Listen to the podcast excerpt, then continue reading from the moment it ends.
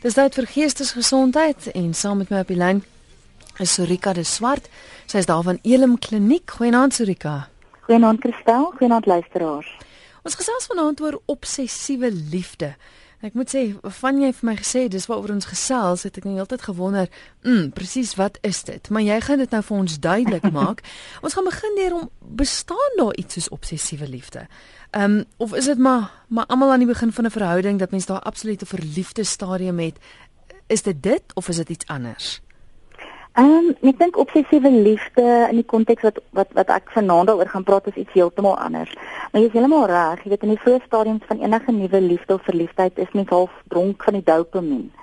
En en ons is spesiaal so gemaak sodat jy liefde kan geniet, maar dat jy ook sterk gedryf gaan wees deur die hormone sodat jy 'n maat gaan soek en gaan voortplant en dat die spesies so kan bevorder word. So ons is ons is spesifiek gerad. Eintlik is die brein bedraad vir obsessie. En en as jy kyk navorsing wys dat as as mense byvoorbeeld na foto's kyk van hulle geliefdes, dan aktiveer dit 'n deel in jou brein in die middel van jou brein wat dopamien afskei en dan beleef jy nou al hierdie ehm um, genot en en so meer. En ehm um, ja, so aan die begin van van enige verhouding is daar 'n tipe van 'n obsessiewe liefde. Jy kan jy kan selfs byvoorbeeld kyk as as 'n kind pas gebore is en en en die ma en die kind staar en die pa en die kind staar mekaar net. Jy weet, dis ook daai half, dis amper uh, dieselfde gevoel as wanneer 'n mens verlief is. Dis dis daai dopamien vloed wat jy kry in jou brein. Nou goed, kom ons kyk gou-gou na die grootste verskille tussen gesonde en obsessiewe liefde. Ek dink ehm um, in in kort sal ek sê in 'n gesonde verhouding is daar met tyd 'n gevoel van sekuriteit en veiligheid en ehm um, dan kan mens 'n redelike goeie balans handhaaf tussen ontkoppeling en verwikkeldheid. So met ander woorde, jy moet dinge kan saam doen en geniet, maar elkeen moet ook apart kan hulle eie belangstellings kan beoefen wat en, en hulle moet mekaar dit kan gun. Jy weet daai spasie kan gun. Die ander ding is 'n balans tussen emosionele intimiteit en fisiese intensiteit. Nou, as ek sê die brein is bedraad vir obsessie en die brein is spesifiek so ontwikkel sodat ons in die begin van 'n verhouding half obsessief is, maar die brein is ook so bedraad dat dit later tot bedaring kom en dat dit dit oorgaan in 'n meer emosionele ehm um, emosionele intimiteit uh, en gedeelde belange. So mense moet 'n balans kry tussen daai twee goed in in 'n in 'n verhouding. Ehm um, terwyl by die obsessiewe persoon ehm um, bly bly hulle soek na die intensiteit hulle die oomblik as die intensiteit nie daar is nie, dan beleef hulle verwerping en dan sneller dit nou 'n hele klomp obsessiewe goeters. En dan natuurlik, ek dink in 'n gesonde verhouding is daar is daar dinge soos vertroue en respek vir mekaar se behoeftes, terwyl in 'n obsessiewe verhouding is daar wantroue en jaloesie. Ehm um, en en ehm um, een persoon se behoeftes is belangriker as as die ander ene. En dan wil ek ook sê ek dink die obsessiewe persoon idealiseer sy geliefde. Met ander woorde, jy dink aan 'n persoon as net of goed of net sleg. En dan raak dit gevaarlik as hulle nie meer aan jou dink as net goed nie. Ehm um, want dan begin hulle dink jy is op uit om hulle lewe skade te doen en te ruïneer. Terwyl in 'n gesonde verhouding sien mens mekaar ehm um, met jou foute en jou tekortkominge en jou positiewe eienskappe en jy jy besluit is dit is dit 'n verhouding waarin ek wil bly of is dit 'n wil ek aanbeweeg. So daar's 'n vryheid van keuse wat jy nie het in 'n obsessiewe verhouding nie. Dis Sorika de Swart van Elim Kliniek wat so gesels. Ons tema vanaand is obsessiewe liefde wanneer jy iemand nie kan laat gaan nie. Drie maniere om saam te gesels. Jy kan 'n SMS stuur na 3343 3343 dit kos jou R1.50. Jy kan ook skakel ateljee toe 089 1104553 of jy kan ook 'n e-pos stuur via ons webwerf soos wat anoniem uit die Noordwes vir ons gestuur het. Anoniem sê obsessiewe liefde is baie gevaarlik want dit kan oorgaan in stalking en selfs aanranding, moord. Soms begin dit met dankbaarheid omdat iemand vir jou goed was en jy die persoon van jou dankbaarheid wil oortuig en naby hom of haar wil wees. Miskien is jy vir jare nie raak gesien of voor omgegee nie, miskien is jy selfs verskop of verwerp. By ons in Suid-Afrika is obsessiewe agtervolging, dis nou stalking nog nie so groot ding soos in Amerika nie. Maar Kristel waarsku luisteraars tog asseblief net hieroor en dat hulle moet werk maak daarvan voor dit 'n lewe verwoes. Het jy kommentaar op anoniem se Ja, weet jy ek ek dink dit klink soos iemand wat dalk al 'n stuk ervaring gehad het wat dit aanbetref en hy is heeltemal hy of sy is heeltemal reg. Ehm um, ek ek ek dink um, ons ons gaan vanaand spesifiek praat ook oor um, stalking en ek dink in, in Afrikaans word dit vertaal as tuistering in die nuwe wetgewing. Ehm um, en dit is inderdaad iets wat baie gevaarlik kan wees. So wanneer ek praat oor obsessiewe liefde dan dan praat ek nou oor die volgende fases.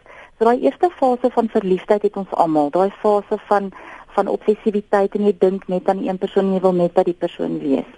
Maar na mate mens nou na dieper omgee en liefde vir iemand ontwikkel, dan kom hy dopamien afskeiding mos 'n bietjie tot bedaring en jy begin meer realisties na iemand kyk, jy raak veiliger by mekaar en hoe veiliger jy raak, hoe meer deel jy van jouself.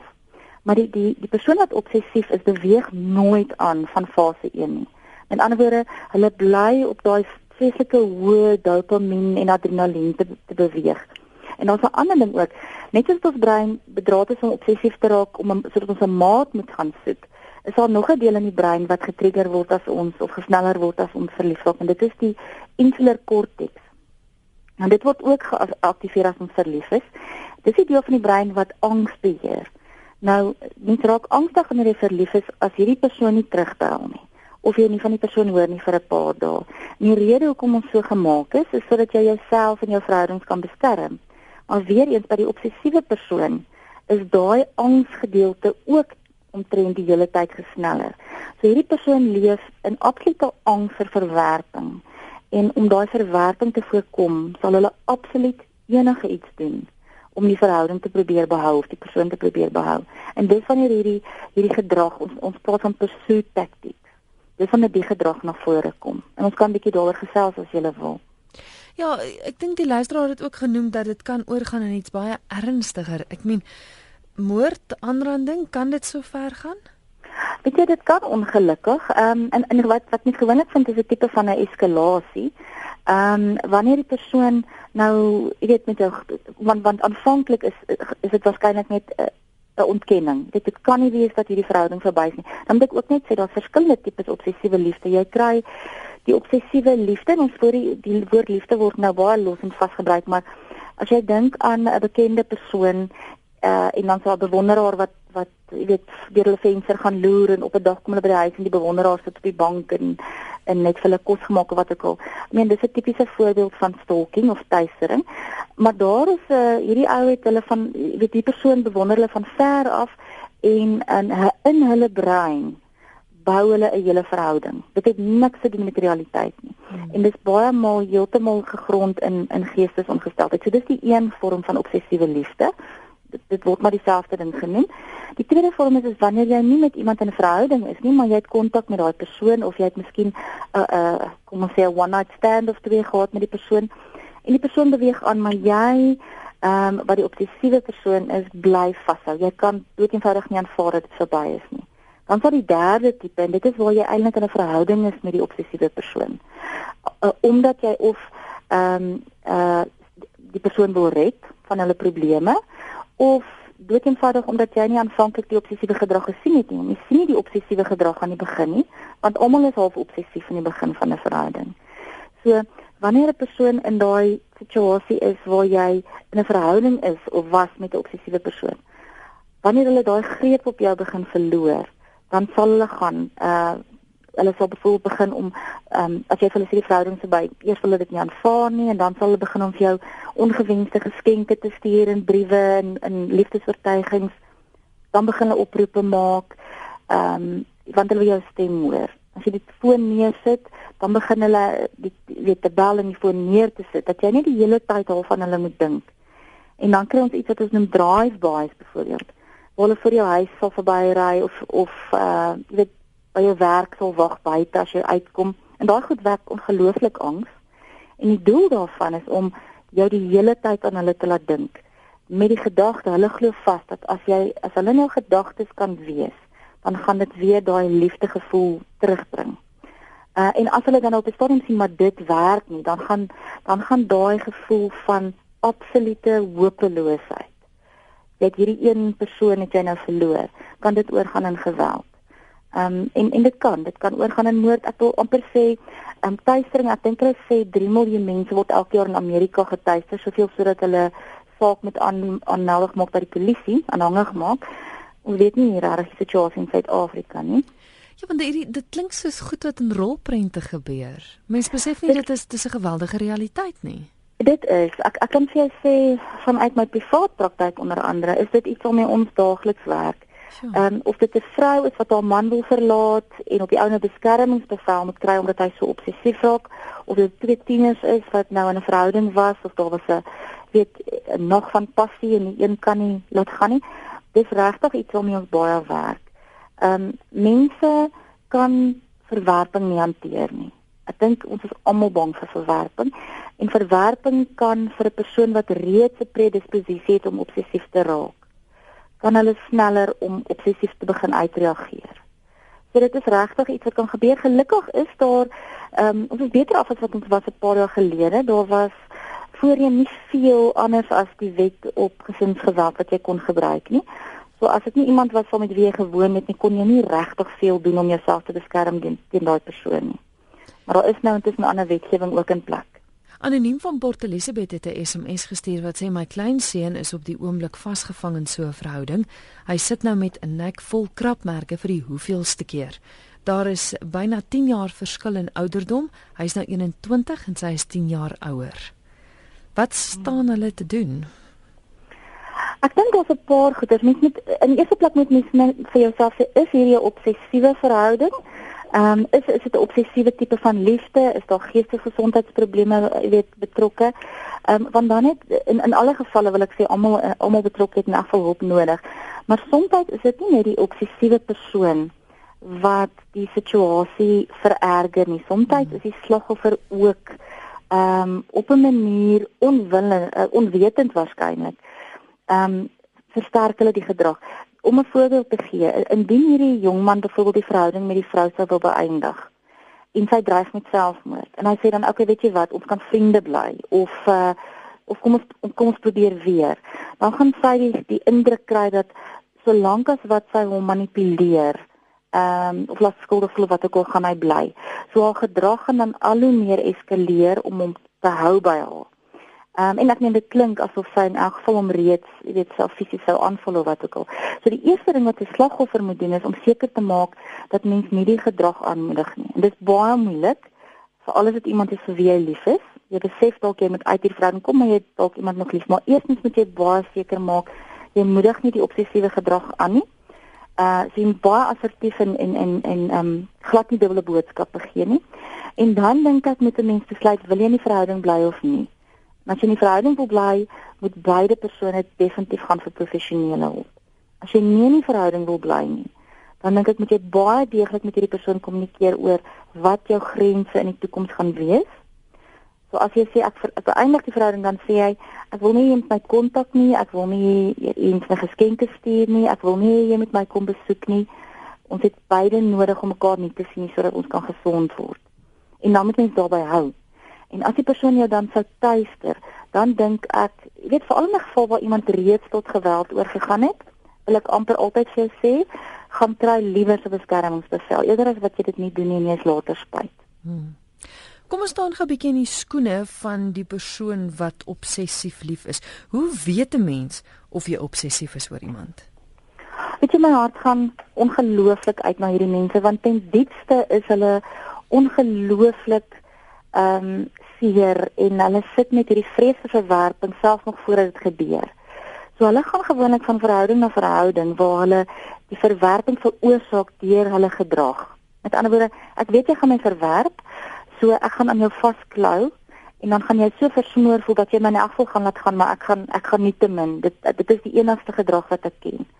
So hulle is baie alleen en jy moet ek mens nie kan dink as gevolg van hulle gedrag kry hulle nie baie empatie nie waar ook al hulle gaan gaan mense vir hulle sê ruk jouself reg. Jy weet daar's baie visse in die see. Ehm um, so daai persoon leef met met ongelooflike isolasie en eensaamheid. Hulle het nodig om professionele hulp te kry. Ek dink partymal wonder mense, "Jo, is ek nie 'n bietjie obsessief nie?" En dan wil ek wil ek al die meeste mense gerusstel en sê, "Weet jy wat, ons het almal obsessiewe gedagtes, almal van ons." Dit gaan oor die uitreageer, dink ek, as as mens begin uitreageer. So van die goeters wat waarskuwingstekens is is as jy so hinker na hierdie ander persoon terwyl hulle vir jou gesê het hulle is nie langer beskikbaar vir jou nie. Jy so hinker dat dat jy besluit om te ontken dat die verhouding verby is. Ehm um, as jy glo dat as jy die persoon net lief genoeg sal hê en lank genoeg sal najag, dan gaan hulle gevoelens verander. Ehm um, as jy byvoorbeeld openlik verwerp is en dat dit eintlik maak dat jy die persoon meer by jou wil hê. Ehm um, as jy byvoorbeeld aanhoudelik sal aanhoudelik sal bel en boodskappe sal los. Ek praat nie van een of twee oproepe 'n week waar jy sê, weet jy, hoe gaan dit met jou? Ek kry swaar nie. Ehm um, ek praat van net 10, 20 boodskappe 'n dag per SMS. As jy begin om elke dag daai ek van jou se Facebook profiel dop te hou en te kyk wat is hulle verhoudingsstatus en jy het sulke tipe van goeders. En as jou gedagtes met die persoon so besig is dat jy nie regtig kan eet of slaap of konsentreer by die werk nie en dat dit weet diep emosionele pyn by jou veroorsaak. En dan dink ek as 'n mens begin bel en die telefoon neersit, is jy is jy besig om 'n om 'n grens oor te steek want nou weet jy jou gedrag gaan angs veroorsaak. En die oomblik wat 'n ou begin dink aan drive-bys, ek gaan nou by jou huis begin verbyry en dan gaan jy begin dophou. Dan moet jy dan moet jy weet, dis is moeilikheid, ek is ek is nie langer in beheer van my gedrag nie want want daai tipe gedrag het 'n geneigtheid om te groei weet as jy bel en jy hoor die persoon se stem en hulle sit die foon neer, dan jy hulle stem hoor, nou wil jy graag sien. So nou begin jy by hulle verby ry. Ehm, um, nou jy by hulle begin verby ry en jy jy sien hulle is alleen by die huis. So nou wil jy eintlik uitklim en en onverwags daar aankom. En en hulle dan nou sien en konfronteer of wat ook al. So dit jy weet jy voet amper jou obsessie, die hmm. oomblik wat jy begin toegee aan hierdie oproepe en die drive-bys. Ehm um, en dan wil ek sê as as die persoon as jy verlies aan hierdie persoon vir jou laat voel of jy nie meer wil leef nie of of die lewe nie meer vir die moeite werd is nie. Kry asseblief hulp om obsessief te wees maak nie van jou kriminele of slegte persoon nie. Um om te reageer op daardie gedrag en iemand anders skade te doen. Dit gaan van mense krimineel maak en dan is daar gevolge. So ek wil amper sê kry hulp voordat dit ooit by mm. daai punt kom. Mm. Ek gesels met Sorika de Swart van Elim Kliniek, sy is verslawingskonsultant en ons gesels oor obsessiewe liefde wanneer jy iemand nie kan laat gaan nie. Jy is welkom om saam te gesels 3343 dis die SMS nommer, dit kos jou R1.50. Jy kan ook 'n e-pos stuur via ons webwerf rsg.co.za of jy kan skakel ateljee toe 089 1104553. Ons het nou gekyk na die persoon, hoe weet jy as jy obsessief is oor iemand, maar hoe weet jy as iemand dalk obsessief is oor jou? Ek wil amper kort antwoord sê, ek dink jy sou weet. ja. want dit veroorsaak 'n groot klomp angs um, by 'n mens. Ehm um, ek dink 'n mens moet ook versigtig wees. Jy weet as jy 'n verhouding beëindig, dan verstaan 'n mens dat mense verskillend daarop reageer. So een persoon gaan sê, weet jy wat, okay fine, jy maak my nou so seker ek wil jou nooit weer sien nie en hulle gaan verdwyn en dis die manier waarop hulle daarmee gaan uh gaan kan cope. 'n Ander persoon gaan miskien 2 of 3 keer jou kontak en sê ek ek kry swaar, wil jy dit nie heroorweeg nie? Jy weet wat het ons nie alles gehad nie? Wat kan ek verander of wat ook al. Weet maar as jy 2 of 3 keer iemand gekontak het en die persoon sê weet sê vir jou ek het my besluit geneem en ek wil hê jy moet dit respekteer. Ehm um, en hulle verander nie van besluit nie. Dan moet 'n mens dit aanvaar. En dan moet jy jouself kans gee om deur daai rouproses te gaan. Nou as die persoon met wie jy 'n verhouding beëindig het, in die eerste plek sê ek weier, ek aanvaar dit nie. Ek gaan dit nie aanvaar nie. Ehm um, jy weet nie hoe lief jy my het nie. Ek is seker as ons meer tyd saam spandeer of jy my nog 'n kans gee, gaan jy gaan jy besef dat jy my liefhet. Ehm um, so as daai persoon vir jou begin sê maar ek, ek weet beter as jy wat jy voel dan dan raak dit vir mense baie ongemaklik. En dan natuurlik al hierdie hierdie tipe seetuisterende gedrag. Ehm um, wat ons nou reeds oor gepraat het, die die die drive-bys en die agtervolgings en daai goed, dis ernstig. Dis baie baie ernstig. Maar op 'n op 'n beginvlak is dit gewoonlik maar iemand wat geskenke stuur en liefdesbriewe stuur en so aan. En as mens op daardie stadium assertief optree en nie dubbele boodskappe gee nie, dan gaan ons waarskynlik die obsessie ehm um, in die, in of die gedrag in die, in die kind smoor. As jy regtig met 'n obsessiewe persoon te doen het, maak nie saak wat jy doen nie, daai gedrag, jou jou verwerking gaan die gedrag laat eskaleer. Daar's niks wat jy daaraan kan doen nie. So dan het jy nodig om seker te maak jy tref veiligheidsmaatreëls. Maar ek ek, ek wil net sê ook dat ek het net nou gesê die die obsess die obsessiewe persoon kry baie baie swaar, maar ek, ek wil vir sê ek dink die die slagoffer is is a, in 'n baie alleen plek ook want baie maal as jy met iemand sou praat dan gaan hulle sê weet jy wat jy's nou 'n bietjie dramaties. Die ou sal daaroor kom, moenie weet nou net ding daarvan maak nie. En selfs ek meen vir jare gelede nog as jy polisie toe gegaan het, hulle vir jou gesê, weet jy daar's geen oortreding begaan nie. Ehm um, weet mense word doodgemaak op plekke en jy sê vir my hy het vir jou 50 boodskappe gelos. Dis regtig nie iets waarvoor ons nou gaan uitry na jou huis toe nie. So hulle kry ook nie baie praktiese hulp nie. En as hulle 'n verhouding met die persoon was is hulle teen daai tyd so geïsoleer dat hulle voel hulle kan na niemand toe gaan nie. Want mense gaan vir sê man ons het jou gesê jy moet uit daai verhouding uitkom. So die die slagoffer bevind hulle self ook in 'n baie baie geïsoleerde plek wat dit baie maal maklik maak om terug te gaan na die verhouding. So maar jy sal weet as jy in 'n obsessiewe verhouding sal jy weet want jy voel versmoor. Daar het nou 'n oproep deurgekom, ek sien hy het nou verdwyn. Jy kan weer skakel 0891104553. Goed, so die keuse sê dit het nou verander. Vroeger ja. jare het het iemand nie regtig eintlik aandag daaraan gegee nie, maar maar waar kan jy nou gaan vir hulp? Ag die die proses is baie meer streamline nou as jy saam met iemand woon, dan kan jy of kom ek kom ek gaan net gou terug. Ek dink die die plek waar jy begin is die polisiestasie en jy lê 'n beëdigde verklaring af om die gedrag van die ander persoon jy weet uit te lig en te sê hoe dit jou laat voel. Dan vat jy jou affidavit of jou beëdigde verklaring en jy gaan na die familiehof toe. Dan gaan iemand jou daar sien en hulle gaan vir jou adviseer onder watter wetgewing jy beskerming moet kry. As dit iemand is van wie jy woon, dan gaan dit waarskynlik die wet op gesinsgeweld wees. Ehm um, en dan kan hulle vir jou beskermingsbevel gee self vir iemand wat saam met jou in die huis woon. Met ander woorde, dis dis is dis vreemd, maar jy kan 'n beskermingsbevel kry teen iemand wat saam met jou woon. Waarin jy sê jy mag my nie emosioneel misbruik nie, jy mag nie geld van my weerhou nie, ehm um, jy mag my nie slaan nie, jy mag my nie vloek nie, maar ons bly nog steeds in dieselfde. Jy kan jy weet hulle kan dit doen. Ek weet nie hoe suksesvol dit ooit is nie.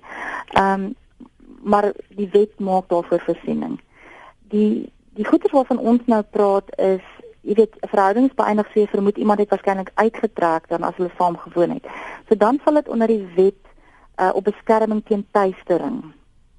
So dit is wet 17 van 2011. En al wat jy doen is jy neem 'n beëdigde verklaring en enige bewyse wat jy het. Met ander woorde, dis nou SMS'e of foto's van goed wat gebreek is of briewe wat die persoon gelaat het of of jy weet uh, die sekuriteitsman wat sê maar hy ry 20 keer 'n dag by jou huis verby. Dan gee hulle vir jou 'n tydelike bevel wat wat dan op hierdie persoon beteken word. Hulle sê dan vir hierdie tuistraers, weet jy wat, die ander persoon voel bedreig deur jou gedrag. So van nou af kan jy dit dit dit en dit glad nie meer doen nie en indien jy aanhou met hierdie gedrag, gaan ons jou arresteer. So die persoon kry dan so afskrif, die tuistraer kry so afskrif. In baie gevalle stop dit die gedrag. Mm. Jy weet as mm. iemand 'n gevolg kry vir wat hulle doen. Indien 'n persoon dan steeds aangaan met die tuistering, moet jy onmiddellik terug gaan hof toe en dan arresteer hulle wel daai persoon.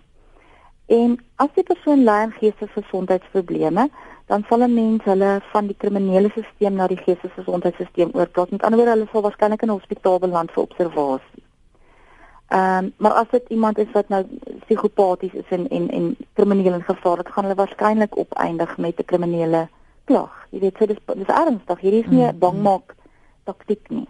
Maar dan moet mens baie seker wees van jou feite, né? Ek meen jy, jy kan moet, nou as jy as jy 'n valse klag van tuistering lê, gaan jy ook kan verklaar mm. word. 'n Mens moet baie seker wees en jy moet maar bewyse hê. As jy jy kan nie net gaan op ek voel bedreig omdat hy dan 'n huis verbystap nie dis hy elke dag by die huis verbystap kafee toe omdat hy gaan brood en melk koop. Is dit nie tuistering? Mm, die blote mm. feit dat jy ongemaklik voel. Daar moet daar moet 'n konteks wees. Jy weet daar moet en en hulle doen 'n deeglike onderhoud met 'n mens. Ehm um, en weet jy die hele proses kan tussen 5 ure in 'n dag neem. So ek en ek wil vir mense sê vat nou maar die dag af by die werk en gaan doen dit wanneer dit nodig is.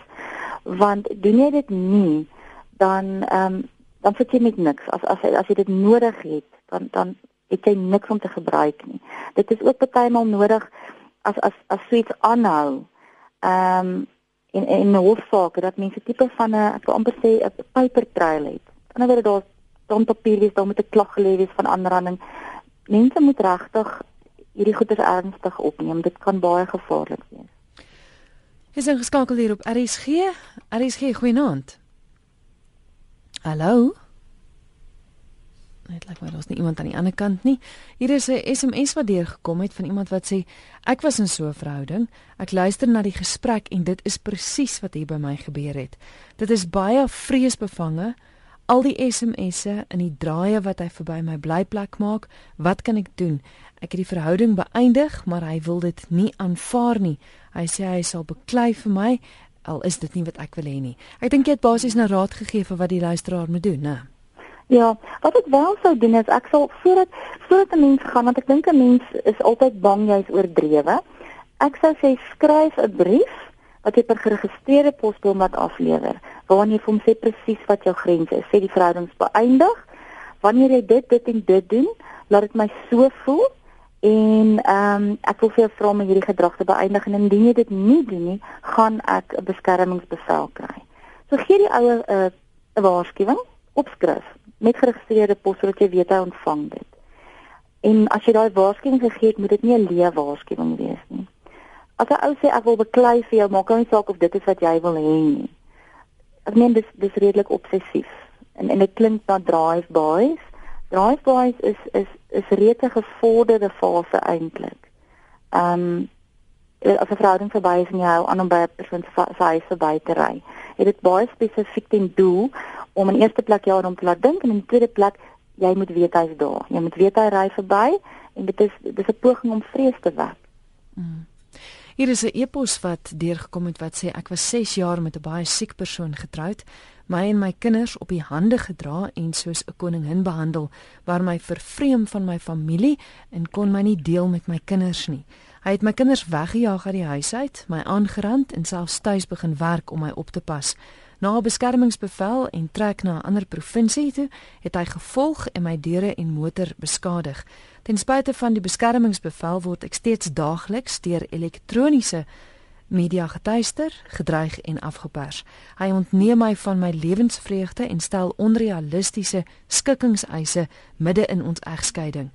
Veral verbale, fisiese en emosionele geweld maak deel uit van hulle persoonlikheid sy sê nou hier elektroniese media, hy sy, sy word nog steeds daarop getuister. Ja. Is dit iets wat mens kan keer? Ja, die goeie nuus is presies dit. In 2013 het die het hierdie wet uitgekom, die wet 17 van 2011. En dit sluit kubertuistering in. Hulle noem dit kuberbekruiping of iets soos dit. Kubertuistering word ingesluit daarbey. Dit sluit enigiets in, soos SMS'e, uh fotos as iemand op sosiale media, byvoorbeeld Facebook, iets leliks oor jou sê, kan dit daarbey ingesluit word. So obviously jy weet mens kyk na 'n konteks, maar ehm um, verseker is dit nie nodig om dit te aanvaar nie. Dit ek ek hoor van beskermingsbevele. Nou wanneer iemand 'n beskermingsbevel oortree, uh en mens gaan terug terug na die kantoor waar hy uitgereik is, dan behoort hulle die polisie te kontak om die persoon te arresteer. Nou wat baie dan maar gebeur as die persoon kom uit op ehm um, baie ek kan nou nie vanaand die Afrikaanse woord kom nie kristel.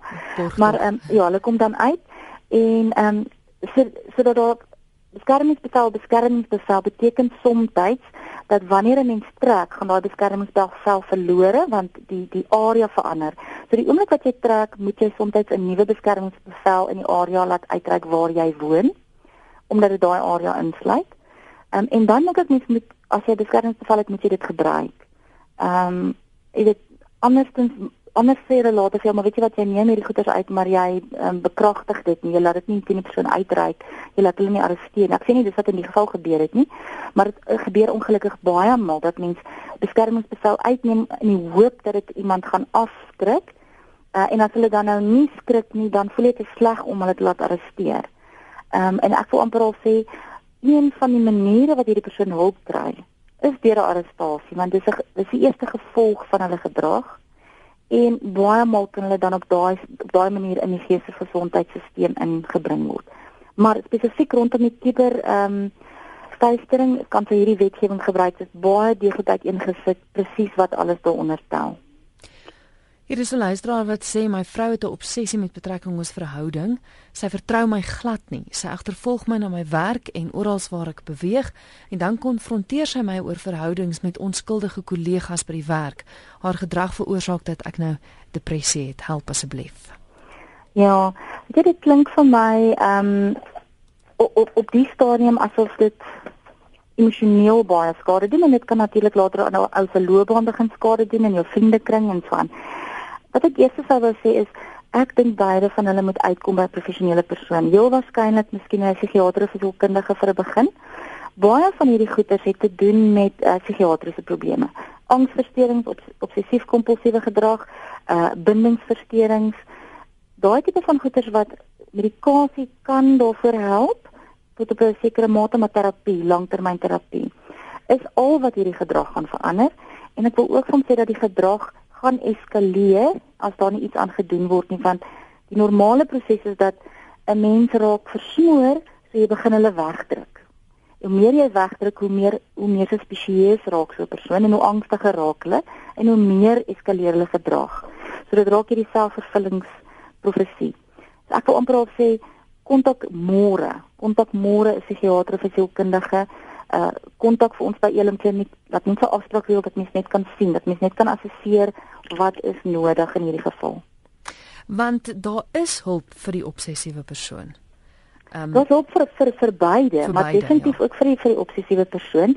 Dit is ons praat hier van langer termyn hulp. Ehm um, professionele hulp. Ek dink nie dis iets wat jy self kan doen nie hmm. want die oomblik wat jou gedrag wat jy so uitreageer ehm um, op hierdie obsessiewe manier dan in, in ander woorde is obsessief dink jy oor goed en kompulsief reageer jy uit dan kyk 'n mens na 'n uh, verstoring en dan kyk 'n mens na professionele hulp wat nodig is soms moet iemand in die hospitaal opgeneem word vir 'n rukkie net net om hulle hulle deeglik te assesseer om soms met medikasie te begin en dan is daar 'n pad van eerstens versterk jy hulle ego-krag. Dis hoe jy werk aan selfbeeld, jy werk aan die hierdie vrese wat lê wat nie rasioneel is nie.